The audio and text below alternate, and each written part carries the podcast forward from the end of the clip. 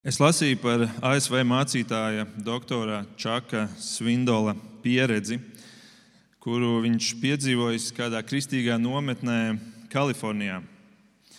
Pasākuma pirmajā dienā pie viņa pienāca kāds vīrs, ļoti priecīgs un enerģisks. Un viņš teica, ka viņš ir ļoti ilgi gaidījis, lai reiz beidzot dzirdētu šo doktoru Svindulu runājam dzīvajām un ka nu, beidzot viņa ilgas ir piepildījušās.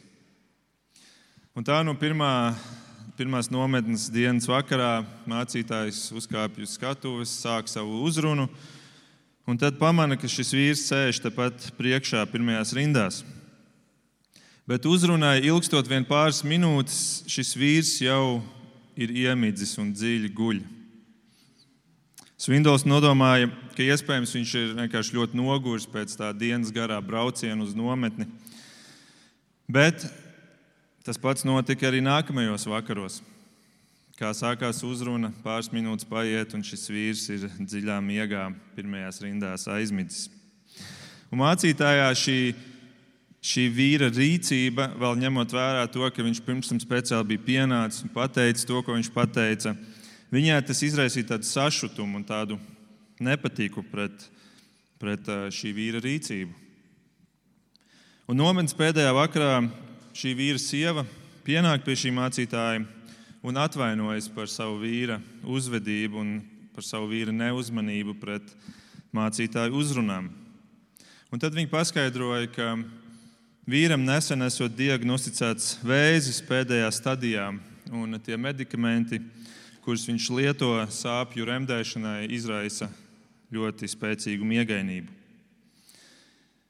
Bet dzirdēt, doktora Svindola esot bijusi viņa vīra mūža ilga vēlēšanās, un, un viņš ir vēlējies to piepildīt vēl pirms savas nāves, un tāpēc viņš ir ļoti priecīgs šo mērķi beidzot sasniedzis.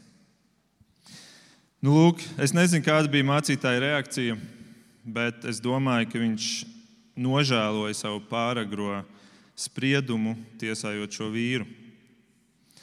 Šis ir stāsts, kas noteikti ir piedzīvots arī mums, kur mēs esam piedzīvojuši visticamāk, pat esot vienā vai otrā pusē, abās pusēs, šīs stāsta pusēs, kur mēs esam tiesājuši kādu pāragri varbūt, vai arī kur kāds ir par mums kaut ko padomājis, kā mēs pēc tam uzzinājām, kas eh, nav bijis gluži patiesība. Kā otru netiesāt? Kā otru netiesāt? Šo tēmu mums ir šodien atnesis Dieva vārds. Tie, kuri nav mūsu vidū eh, tik bieži, tiem es Uh, varu pastāstīt, ka mēs ejam cauri svētdienas sērijai, kurai nosaukums ir Dieva evaņģēlijas, un proti tā ir vēstule romiešiem. Vēstule romiešiem ir Pāvila sarakstīta, un viņa parāda to, kā Dievs skatās uz evaņģēliju, kas ir Dieva versija evaņģēlijam. Un mēs esam nonākuši pie 14. nodaļas, un uh, mēs šodien apstāsimies pie pirmajiem 12 pantiem. Tāpēc Šodien, ja jums ir Bībele blakus, jūs varat atvērt uz romiešu vēstulī 14. nodaļu. Un Pāvils šo vēstuli raksta kristiešiem Romā, un uh, viņam tā vēstules forma ir ļoti izteikti sadalīta divās daļās.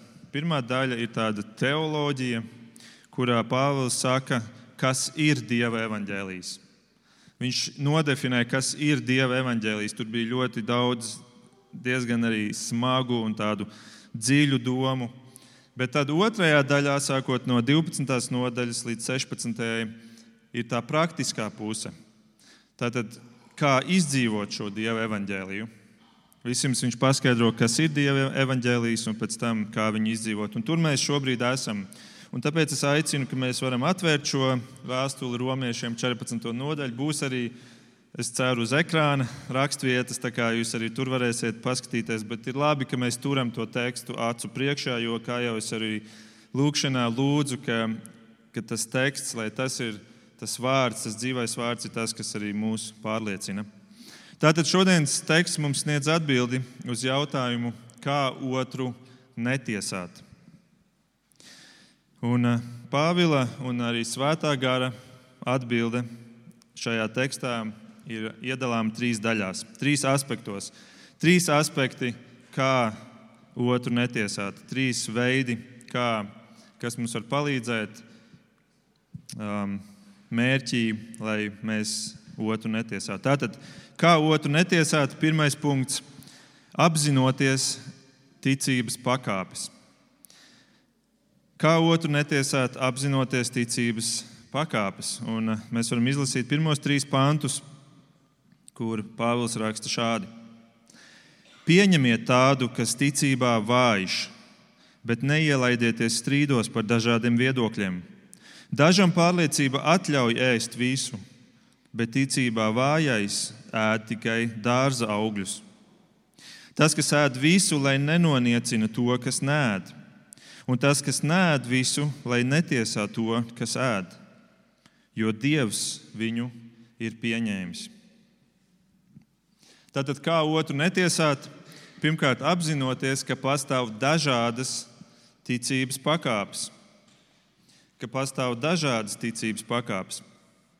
Pāvils šeit, kā jūs noteikti pamanījāt, piemin ticībā vājo. Tātad tādu, kuram mēs varētu teikt, ticība ir zemā līmenī. Viņam tā ticība vēl nav izaugusi uz vidējo vai augsto līmeni. Tātad mēs varam piefiksēt to pirmo atziņu, ka pastāv tādas pakāpes. Pastāv tādas pakāpes, un to apzinoties, mums būs vieglāk pieņemt un netiesāt otru. Un Bībele arī citur runā par šādām ticības pakāpēm. Piemēram, 1. Jāņa 2.14. Jānis raksta, es esmu jums rakstījis bērni, bērni, jo jūs esat tēvu atzinuši. Es jums esmu rakstījis tēvi, tēvi, jo jūs esat atzinuši to, kas ir no iesākuma. Es jums esmu rakstījis jaunekļi, jaunekļi, jo jūs esat stipri un Dieva vārds paliek jūsos, un ļauno jūs esat uzvarējuši. Tad pamanījāt, ja, trīs pakāpes, kuras Jānis šeit parāda. Un bērni te ir minēti kā tā pazīme, un, un viņus var pazīt pēc tā, ka viņi ir atzinuši tēvu. Mēs varētu teikt, tas ir pats basics, pat, pats pamats, pats iesākums ticībai, ka es vispār atzīstu tēvu. Tās pārējās lietas man vēl nav skaidras, bet es sāku ar to, ka es atzīstu Dievu, es atzīstu tēvu. No bērniem mēs nesagaidām tādu lielu spēku, fizisku spēku, vai ne? Mēs apzināmies, viņi ir vājāki. Un tieši tāpat ir arī ar garīgo spēku, ar garīgo ticību, ka viņiem viņa vēl ir maza, vāja. Un tad Jānis šeit vēl piemin tēvus. Tad viņš paņem to sākotnējo līmeni, un viņš parāda to pilno, pilno spektru. Viņš aizved uz to galējo līmeni. Viņš piemin tēvus, tie ir briedušie kristieši, kuri ir tie garīgie tēvi citiem. Un tad tā pakāpe pa vidu ir tie jaunekļi. Starp bērniem un tēviem mums pa vidu ir jaunekļi. Un kas ir viņiem tā izteiktā pazīme, pēc kuras viņi ir, ir no, noprotami, jeb atpazīstami? Ko teksts saka? Kas ir tas, kas viņiem ir devis to spēku izaugt no bērniem uz stipriem jaunekļiem? Jānis saka, Dieva vārds paliek jūsos.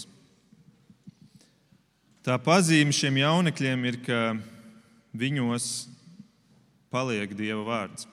Ko tas nozīmē?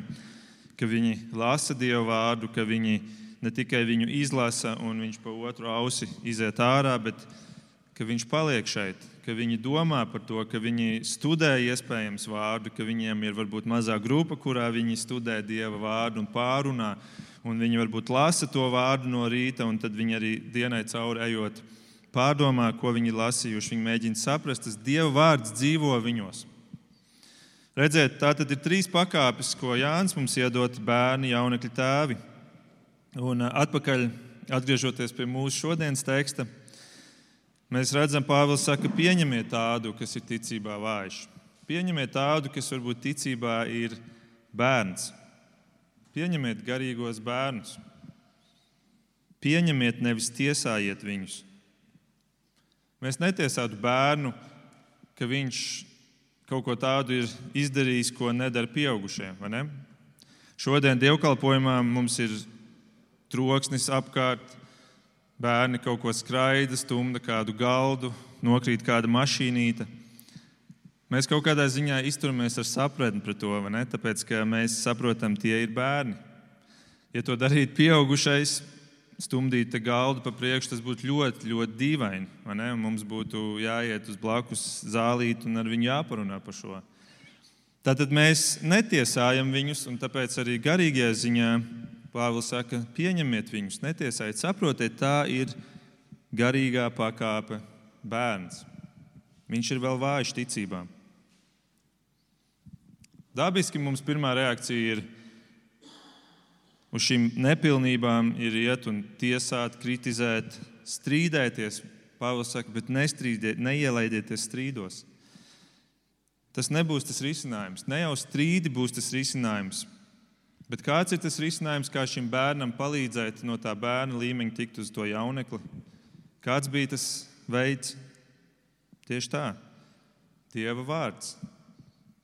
Dieva vārds nevis tukši strīdi par kaut kādiem viedokļiem.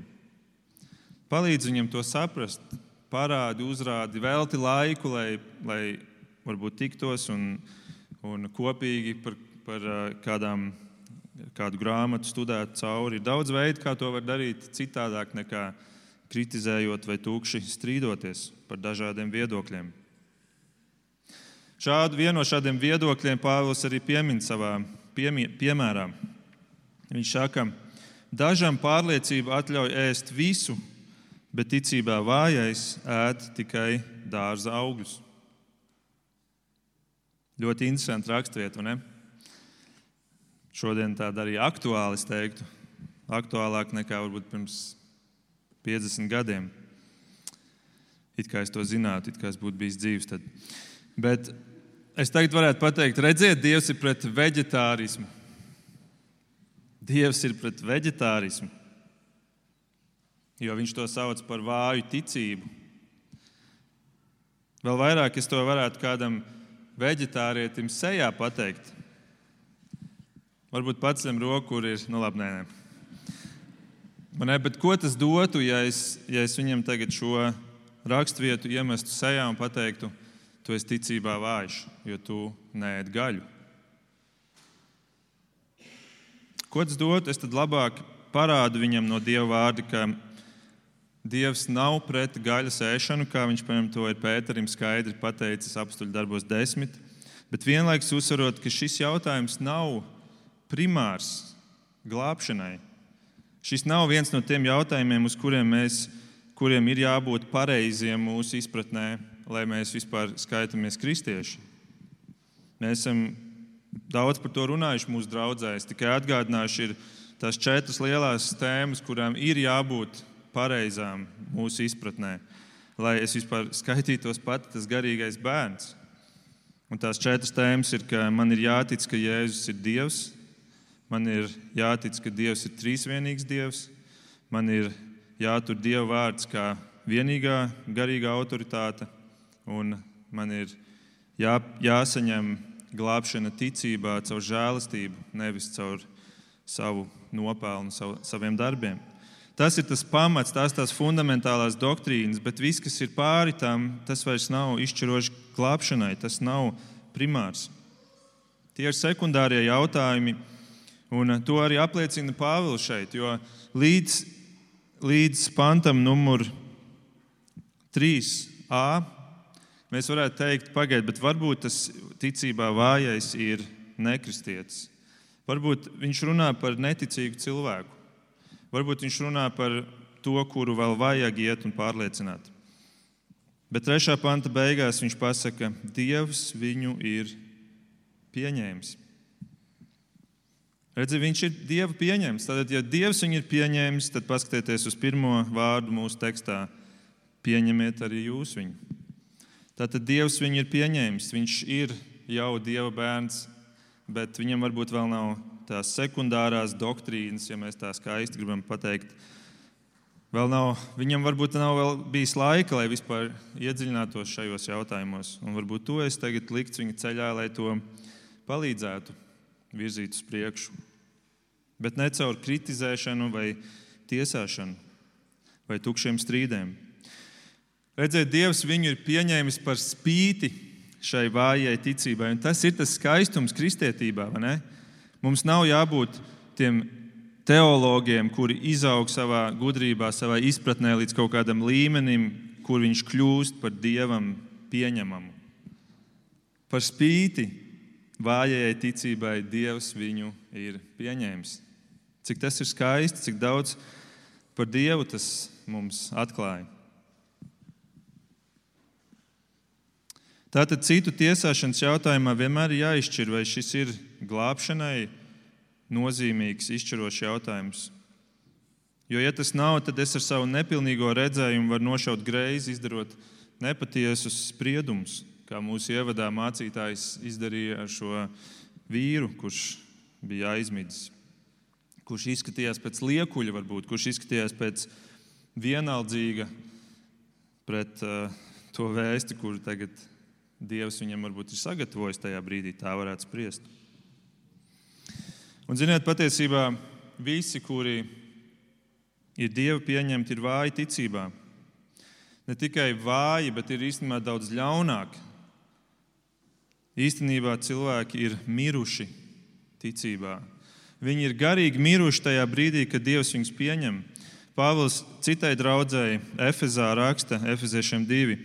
Jūs bijāt miruši savos pārkāpumos un grēkos.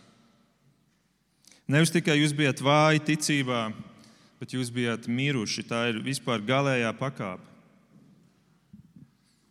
Un arī tāpēc tevi katru ticībā stiprais, arī tu esi ticis pieņemts tad, kad tu patiesībā garīgi biji miris. Tādēļ arī mums ir jāpieņem ticībā vājais un eh, nevis jātiesā viņš, bet jāsaprot, ka Dievs viņu ir pieņēmis. Tātad, kā otru netiesāt, pirmais, pirmais uh, veids ir apzinoties, ka pastāv ticības pakāpes.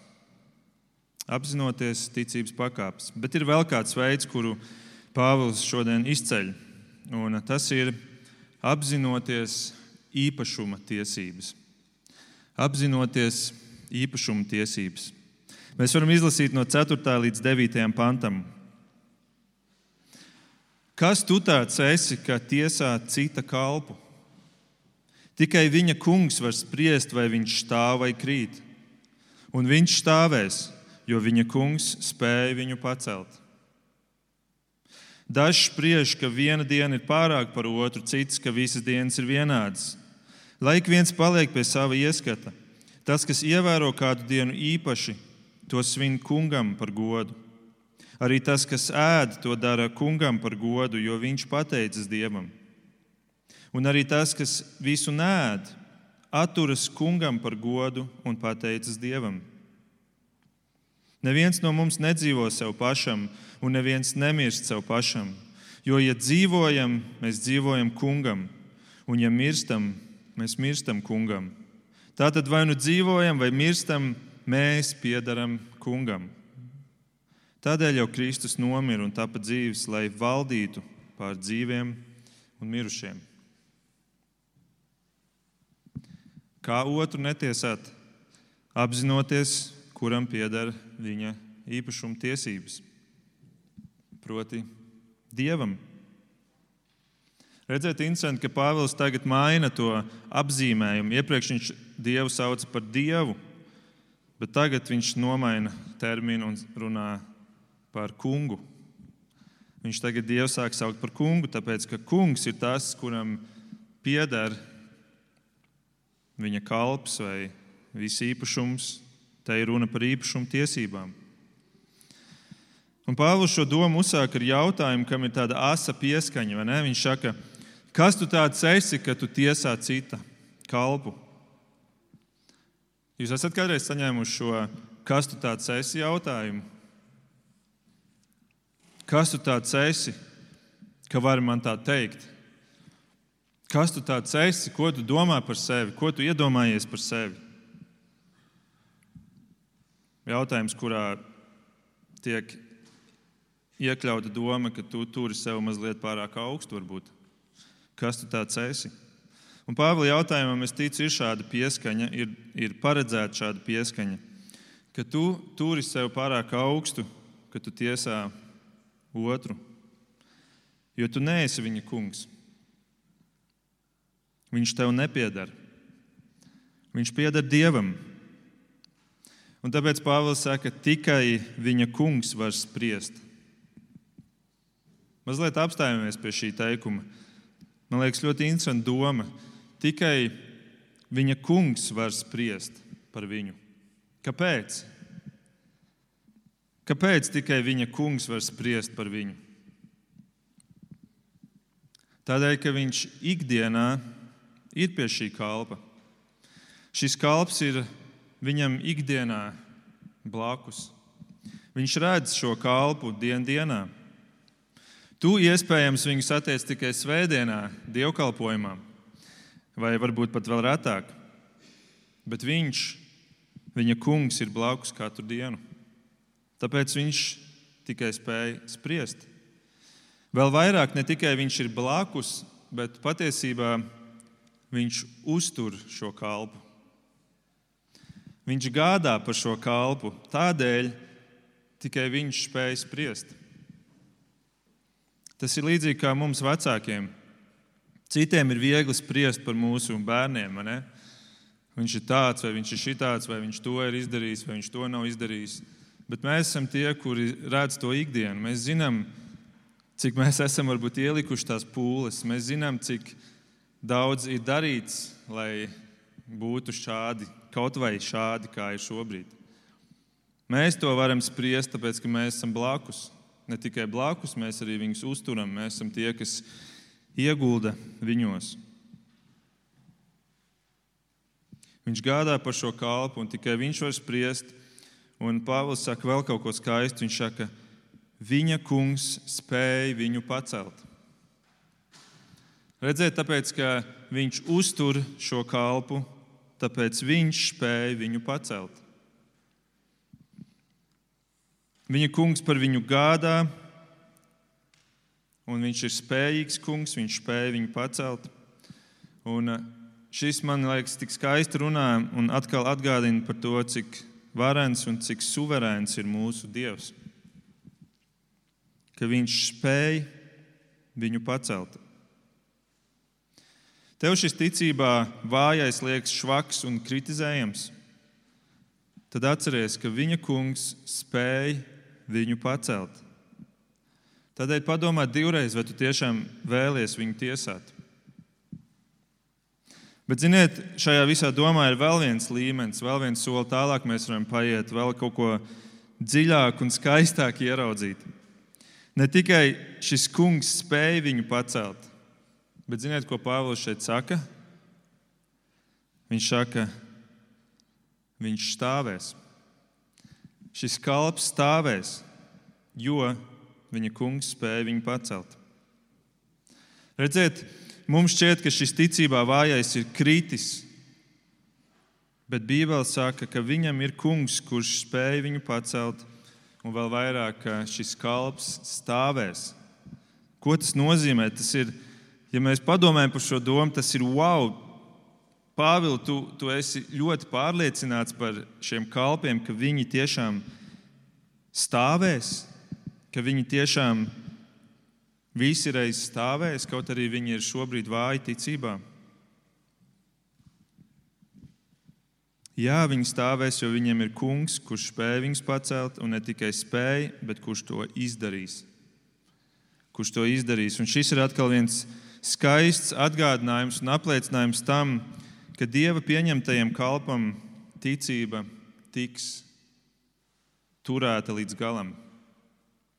Ka viņš nepazaudēs savu ticību, viņš nepazaudēs savu glābšanu. Kāpēc? Nevis tāpēc, ka viņš būtu ļoti spēcīgs ticībā, bet tāpēc, ka viņam ir kungs, kurš spēj viņu celt. Un Pāvils saka, kurš arī stāvēs. Šis kalps stāvēs. Tas man liek domāt par to romiešiem 8, ko mēs studējām iepriekš, ka tiem, kas div, mīl Dievu, tiem visas lietas nāk par labu. Tas virziens ir tas, ka tev vienalga, kā būs, būs grūtāk brīži, tev ies dzīve, varbūt uz leju, būs kāda ielai, bet beig beigās viss būs uz labu, tāpēc ka tev ir kungs, kurš spēj tevi celt, un tāpēc tu stāvēsi. Tu stāvēsi. Pagriež šo pāntu pret sevi, jo tu esi starp citu arī tas kalps. Pagriež pret sevi un ieklausies šajos vārdos viņš vai viņa stāvēs, jo viņa kungs spēja viņu piecelt. Ieliec savu vārdu iekšā. Markus stāvēs, jo viņa kungs spēja viņu piecelt. Un tas atgādina to skaisto arī 24. psalmu, kur ir teikts, jo taisnais krīt septiņas reizes un atkal ceļas augšā bet bezdievīgie ieslīgs nelaimē. Taisnais krīt septiņas reizes un ceļas atkal augšā, bet bezdievīgie ieslīgs nelaimē. Mēs ceļamies augšā, tāpēc, ka mums ir kungs, kurš spēj mūs celt un kurš arī to darīs. Viņa spēkā. Viņš ir mūsu kungs, mēs esam viņa īpašums, un viņš par mums rūpēsies. Tie, kuriem nav šī kunga, viņiem nav šīs drošības. Viņiem ir jāiet pašiem šajā dzīvē, viņiem ir pašiem jācīnās, bet mums ir šis apsolījums. Redzēt, kā otru netiesāt, apzinoties viņa īpašuma tiesības. Šim cilvēkam ir kungs, viņš pieder kungam. Un Pāvils atkal piemin piemēru. Tagad viņš piemin par svinamajām dienām, jeb sabatu turēšanu.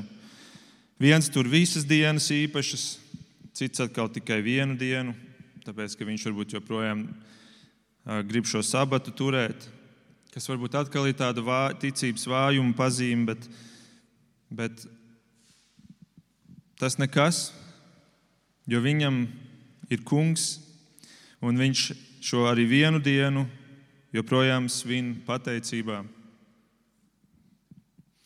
Un tāpēc te priekšplānā izvirzās tas, kam viņš to dara, ar kādu sirdi viņš to dara, un ne tik daudz, cik tieši dienas tur ir. Dienu skaitam nav vairs tik liels nozīmes. Svarīgi tas, kā viņš to dara, kam viņš to dara. Viņš to dara savam kungam. Un tā nu sako 7. pantā tas kopsavilkums, kur viņš saka, neviens no mums nedzīvo sev pašam, un neviens nemirst sev pašam. Jo, ja dzīvojam, mēs dzīvojam kungam, un ja mirstam, mēs mirstam kungam. Tātad vai nu dzīvojam, vai mirstam, mēs piedaram kungam. Tātad beigās izšķirošs jautājums ir tikai viens, un tas ir šis īpašumtiesību jautājums. Kam tu piedari? Kam tu piedari? Ja ticībā vājais pieder Kristum, tad viss būs labi. Viņš nedzīvo vairs sev, bet Kristus par viņu rūpējās. Un tāpēc šī otrā doma, šis otrais punkts noslēdz ar to 9. pantu, kur Pāvils saka, tādēļ jau Kristus nomira un tāpat dzīves, lai valdītu pār dzīvēm un mirušiem. Lai valdītu. Redziet, pirms tiesājam ticībā vājo, atceramies, ka visa Kristus misija ar nomiršanu, ar augšām celšanos bija par šādiem ticībā vājiem. Lai par viņiem rūpētos, redziet, tas 9. pāns to pasaka, lai valdītu pār dzīvēm un mirušiem. Tāpēc Jēzus nāca, viņš nāca, lai būtu kungs pār šiem cilvēkiem. Tāpēc neatņemsim Jēzum darbu, neatņemsim Jēzum to daļu, kuras dēļ viņš nāca, lai nomirtu un augšām celtos.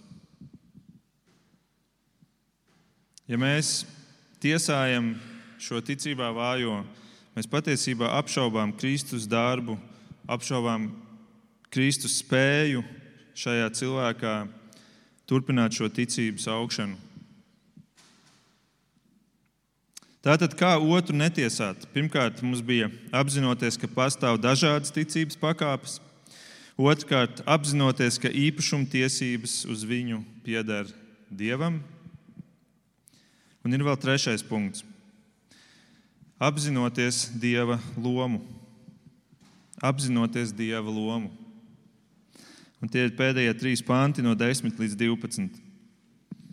Kādēļ tu tiesā savu brāli? Un kādēļ tu noniecini savu brāli? Mums visiem būs jāstājas Dieva soļa krēsla priekšā. Jo ir rakstīts, tik tiešām es dzīvoju, saka kungs. Manā priekšā visi ceļi locīsies, un visas mēlis apliecinās Dievu. Tā nu ik viens no mums dos Dievam norēķinu par sevi. Kā otru netiesāt, apzinoties Dieva lomu, proti, ka Viņš ir tiesnesis, nevis mēs. Viņš tiesās, tāpēc mums tagad nav jātiesā. Katru reizi, kad es jūtu kārdinājumu otru tiesāt, tad tas patiesais kārdinājums daudz dziļāks ir vēlme iekāpt dieva kurpēs. Aizvietot dievu, kļūt kā dievam. Tieši tas pats, kas notika ēdenē. Pirmais grēks bija griba kļūt tādam kā dievam. Citiem vārdiem sakot, mums patīk uzvilkt tās tiesneša apmetni, to apģērbu, uzlikt tās krēlītes ar tām daudziem monētiņām, uzkāpt uz paaugstinātas platformas, paņemt to āmurītu rokā un tad spēlēt to taisnības nesēju, to tiesnesi. Kurš nu spriedīs par to savu brāli un spriedīs par to, kurš likums ir pārkāpts un kāds tad ir tas atbilstošākais soda mērs. Bet paklausieties Pāvila uznācienu šajā trešajā punktā. Viņš saka, kādēļ tu tiesā savu brāli? Mēs varētu pamainīt uzsvaru. Kādēļ tu tiesā savu brāli? It kā Pāvils būtu ienācis tajā brīdī, kur mēs spēlējam šo teātrīti, un viņš ienāk, viņš skatās, kādēļ tu tiesā savu brāli? Tur nav jāstāv tev, Markus. Kādēļ tu noniecini savu brāli? Mums visiem būs jāstājas Dieva soļa krēsla priekšā. Un tad blakus Pāvēlam pēkšņi ienāk Jēzus pats ienāk Dievs. Un mēs stāvam ar to savu kostīmu, tiesājot savu brāli.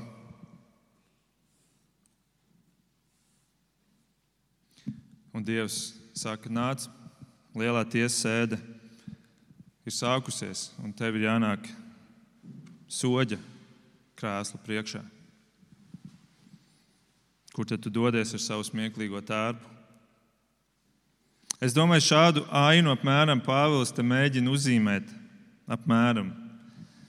Kad viņš dod šo kontrastu, tu tiesā, un tad viņš reiz saka, bet mums visiem būs jāiet dieva soļa krēsla priekšā. Tu un dievs turpat blakus. Un tad viņš atgādina, ka dievs jau vecajā derībā solīja, ka tiesa būs, būs viņa un visiem būs jāatbild. Un tas, ka mēs kā cilvēki, vienalga vai mēs ticam Dievam vai nē, mēs visi ilgojamies pēc taisnīguma, tas ir iešūts mūsos iekšā. Kādēļ? Tādēļ, ka mēs esam radīti pēc Viņa līdzības un pēc Viņa tēla. Tāpēc mēs meklējam to taisnīgumu. Mēs dzīvojam, paldies Dievam, tiesiskā valstī.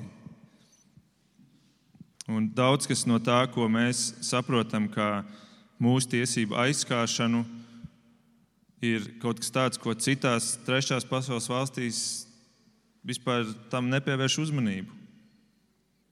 Bet mūsos ir šī vēlme pēc taisnīguma, un tāpēc Dievs saka, jā, pienāks tā diena, un visi saņem savu taisnību. Savu taisnību.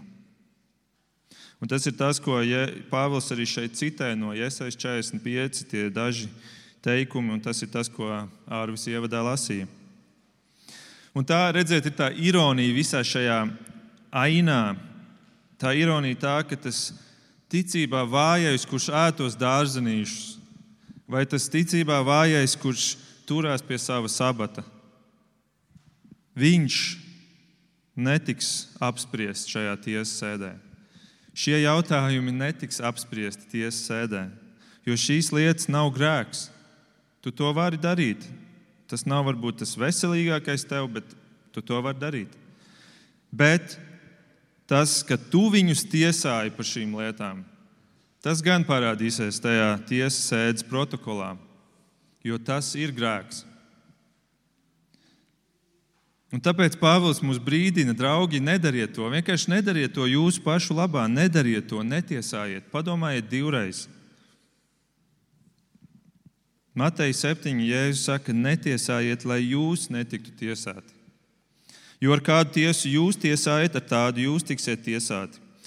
Un ar kādu mēru jūs mērat, ar tādu jums tiks nomērīts. Jēzus arī brīdina no tiesāšanas, lai mēs netiktu tiesāti. To dienu, kad būs Dieva tiesa. Un tā arī Pāvils noslēdz šodienas tekstu ar šo teikumu, kur mums vajadzētu varbūt pielikt pie sienas savā mājā lieliem burtiem, kur ir teikts, tā nu ik viens no mums dos Dievam norēķinu par ko? Par sevi. Par sevi par sevi. Nu, lūk, skatoties uz mūsu trīs punktiem, kā otru netiesāt. Pirmkārt, apzinoties, ka pastāv ticības pakāpes. Otrkārt, apzinoties, ka ši, šis cilvēks pieder dievam, ka uz viņu ir īpašuma tiesības dievam. Un treškārt, apzinoties dieva lomu, ka tā ir dieva loma būt tiesnesim nevis mana. Un ka es negribu Dievam zakt šo lomu. Un es ar šo varētu noslēgt, jo laiks jau ir labi paskrējis. Bet, ja es atstātu šo šajā stadijā, tad es atstātu pārāk daudz vietas tiem, kuri vēlēs to deķīti pavilkt pavisam uz savu pusi. Un tāpēc es noslēgumā vēlos uzdot vēl pēdējo jautājumu, un tas jautājums ir, kā otru tiesāt. Kā otru tiesāt, tāpēc tas tajā virsrakstā tas ne ir ielikts iekavās. Kā otru tiesāt? Vai tiešām mums nekad nevajag nevienu tiesāt? Vai tiešām visos gadījumos tiesāšana ir grēks? Jo mūsu mūsdienu kristietības viens no lielākajiem izaicinājumiem ir neiekrist tajā pretējā grāvī, kurā guļ tie, kuri sauc, nekad netiesā, katram ir sava patiesība, katram ir tiesības ticēt tam, kam viņš vēlās. Bet šī postmodernā nostāja patiesībā nav sakņota Bībelē. Jo Bībele aicina tomēr reizēm arī tiesāt. Piemēram, Jāņa 7,24. Jēzus saka, netiesājiet pēc ārēji redzamā, bet spriediet taisnu tiesu. Netiesājiet pēc ārēji redzamā, bet spriediet taisnu tiesu. Redziet, viņš dod pavēli, spriediet taisnu tiesu. À, tad, Mārkus, tas viss, ko tu tikko teici, tad varbūt tās nemaz nav patiesība. Ko? Varbūt tomēr kādreiz ir jāuzvelk tas tiesneša apmetnis. Redziet, es gribu, ka jūs domājat līdzi, ja? kad jūs arī neklausat tikai visam, ko mācītājs saka. Bet tas, ko es gribu teikt, ir, ka svarīgi tas, ar kādu motivāciju mēs to darām. Kādreiz mums vajadzētu uzvilkt tiesneša tērpu. Kādreiz mums vajadzētu, un tas, ko Jēzus šajā pantā pasaka, ka ir jānošķir tas, ko mēs redzam no ārpuses. Līdzīgi kā sprieda tas mācītājs, kuram klausītājs gulēja, no tā, kas notiek cilvēka iekšpusē.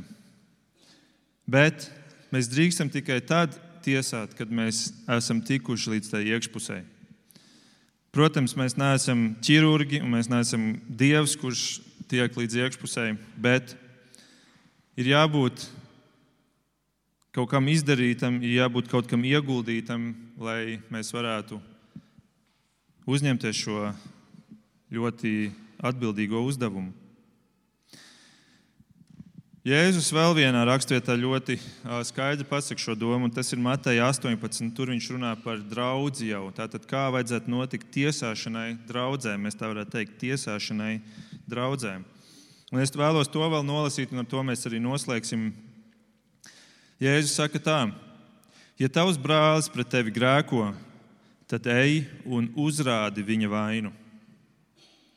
Redzēt, šis ej un uzrādi viņa vainu tas šodien tiek saukts par tiesāšanu. Ja es kādam no jums aizietu un uzrādītu jūsu vainu, man būtu pirms tam jāpadomā, kā viņš to uztvers. Vai viņš to uztvers kā tiesāšanu? Bet Jēzus saka, ej un uzrādi viņa vainu, kad esat divatā. Ja viņš tevi klausa, tu savu brāli esi atguvis. Ja viņš tevi neklausa, tad ņem līdzi vēl vienu vai divus lai no divu vai trīs liecinieku mutes katrs vārds tiek apstiprināts. Redziet, kā, tā kā tāda maza tiesas aina, tiesas aina, liecinieki tiek izsaukti. Dievs vēlēs, lai viss notiek taisnīgi. Lai tur nav kaut kāda tukša strīdēšanās par viedokļiem, bet lai tas ir taisnīgi. Ja tiešām tur kaut kas ir bijis, ja tur ir noticis grēks pret tevi, vēl pie tam tātad caur šo grēku pret tevi tu esi šajā situācijā iekšā. Tas nav tikai no ārpuses spriest. Tas ir kaut kas, kas ir starp jums. Bet, ja viņš tev neklausa, tad pieaicini lieciniekus. Tāpēc, ka visam ir jānotiek taisnīgi. Ja viņš tos neklausa, tad sāki to draudzēji. Un, ja viņš neklausa draugu, tad uzskati viņu par pagānu vai muitinieku. Citiem vārdiem sakot, tas ir iemesls, lai viņu izslēgtu no draudzes. Redziet, Jēzus aicina ej un uzrādi viņa vainu. Un tas konteksts ir tas, ka jums ir kaut kas bijis, tur ir grēks, kas ir pret tevi. Un, un tāpēc tev ir šī iekšējā informācija, un tā nav vairs spriešana no ārpuses. Un vēl Jēzus saka, pieaicini šos lieciniekus. Visā šajā domā ļoti interesanti ir, ka, ja tu tā padomā par Dievu un par trīsvienību, tad Dievs varēja sev parādīt tikai kā vienu personu, kā starp citu jūda arī tic. Bet viņš sevi atklāja kā trīs personas. Un tāpēc viss, ko Dievs dara, patiesībā notiek ar šiem diviem lieciniekiem blakus. Visur ir šīs trīs personas. Un tā ir tā pieeja, kur Dievs jau nokomunicē no pašiem iesākumiem. Pat tad, kad Viņš rada cilvēku, Viņš saka, radīsim kopīgi lēmums, tiek pieņemts, radīsim. Mēs esam kopīgi vienojušies par šo. Un tāpēc arī šeit pieaicinu tos divus, vai vienu vai otru, vienu, vienu vai divus lieciniekus. Kāpēc? Jo es pats sev šķietu ļoti gudrs un taisnīgs, vai ne? Bet tas bieži vien ir ļoti maldīgs priekšstats. Un uzticēties subjektīvai uztverei mēs nevaram. Ir vajadzīgs kāds objektīvs avots. Un, eh, tāpēc arī mēs gaidām uz Dieva tiesu. Mēs gaidām uz to, ka Dievs atrisinās visu to, kas šajā pasaulē notiek. Visa tā netaisnība, tas viss tiks likts priekšā. Un vislabāk gaidīsim to, bet tad, kad mums vajag, kad ir arī svarīgi, ka draudzē grēks neizplešās. Tāpēc mēs uzrunājam, mēs sākam tiesāt, vai tur ir grēks, un mums šis grēks ir jāizoperē ārā no draudzes, citādi tas pārņems visu draugu. Un tur šī tiesāšana, bet veselīgā un taisnīgā veidā ar mīlestību, ar pacietību, ar saprātu, nevis uz emocijām, ar laipnību, tur tam ir vieta. Un gal galā, lai palīdzētu pašam cilvēkam, lai beig beigās mēs varam teikt to, kā Jēzus šeit saka, ka tu savu brāli esi atguvis. Lūksim Dievu!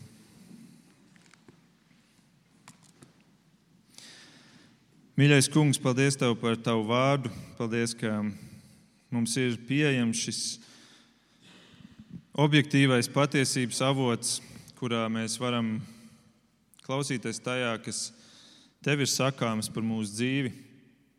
Paldies, ka mēs redzam, ka mēs piedaram tev. Paldies, ka mēs redzam, ka tu esi vispēcīgs Dievs un tu esi ne tikai spējīgs mūs celt, bet ka tu arī atklāji, ka tu gribi un ka tu celsi mūs un ka mēs stāvēsim. Paldies, Kungs, ka tas svētais gars mūsos ir tas, kas mums liek celties kaut vai septiņas reizes, kaut vai septiņu tūkstotis reizes, bet tas spēks ir tas, kas liek mums celties, un paldies Tev par to. Palīdz mums to ieraudzīt arī katrā mūsu brālī un māsā, ka mēs apzināmies, ka varbūt tā ticība vēl ir jauna un vāja ka mēs apzināmies, ka arī viņi pieder tev, ka arī tu esi viņus izpircis, ka tu esi tas, kurš var spriest par viņu stāvokli. Un ka mēs apzinātos arī, kungs, ka tava loma ir tiesāt, un ka mēs neapšaubītu to, vai tiešām tu redzi, vai tiešām tu to atmaksāsi, bet ka mēs uzticamies tev, kungs, ka tu esi taisnīgs tiesnesis un ka visam, kas notiek, no, būs atmaksa. Arī mūsu grēkiem ir pelnīta atmaksa. Par katru mūsu grēku ir jābūt atmaksai. Un paldies, Jēzu, ka tu to esi uzņēmies uz sevi. Paldies, ka tu atnāci pie mums tieši tāpēc, ka citādi mēs būtu tik bezcerīgā stāvoklī. Un paldies, ka tu nodzīvoji bez grēka, lai tu varētu uzņemties šo grēku sevi. Un paldies, Kungs, ka tādēļ tu saki, mums ir dota jau mūžīgā dzīvība, un mēs nenāksim tiesā. Mēs varbūt būsim tajā tiesas zālē, bet tevis dēļ, Jēzu, mums nebūs uzrādāma vaina, jo visa vaina bija jau uzrādīta tev, tad, kad tu miri Golgātā. Paldies, Tev, Kungs, par to. Un tiešām mēs esam tik daudz žēlastības saņēmuši. Lūdzu, dod, ka mēs būtu tie, kur arī žēlastību dotu mūsu attiecībās ar mūsu līdzcilvēkiem, gan draudzēm, gan ārpus tās. Lūdzu, stiprini katru no mums. Lūdzu, dod, ka arī ejot jaunajā nedēļā, ka mēs varam šo, kas ir dzirdēts, kas no tava vārda ir ņemts, šo sēklu, ka mēs varētu viņu laistīt un ka tā varētu augt un ka tas ietekmētu mūsu attiecības. Un gal galā, ka tev caur to pienāktos gods. To mēs lūdzam mūsu Kunga Jēzus Kristus vārdā. Amen.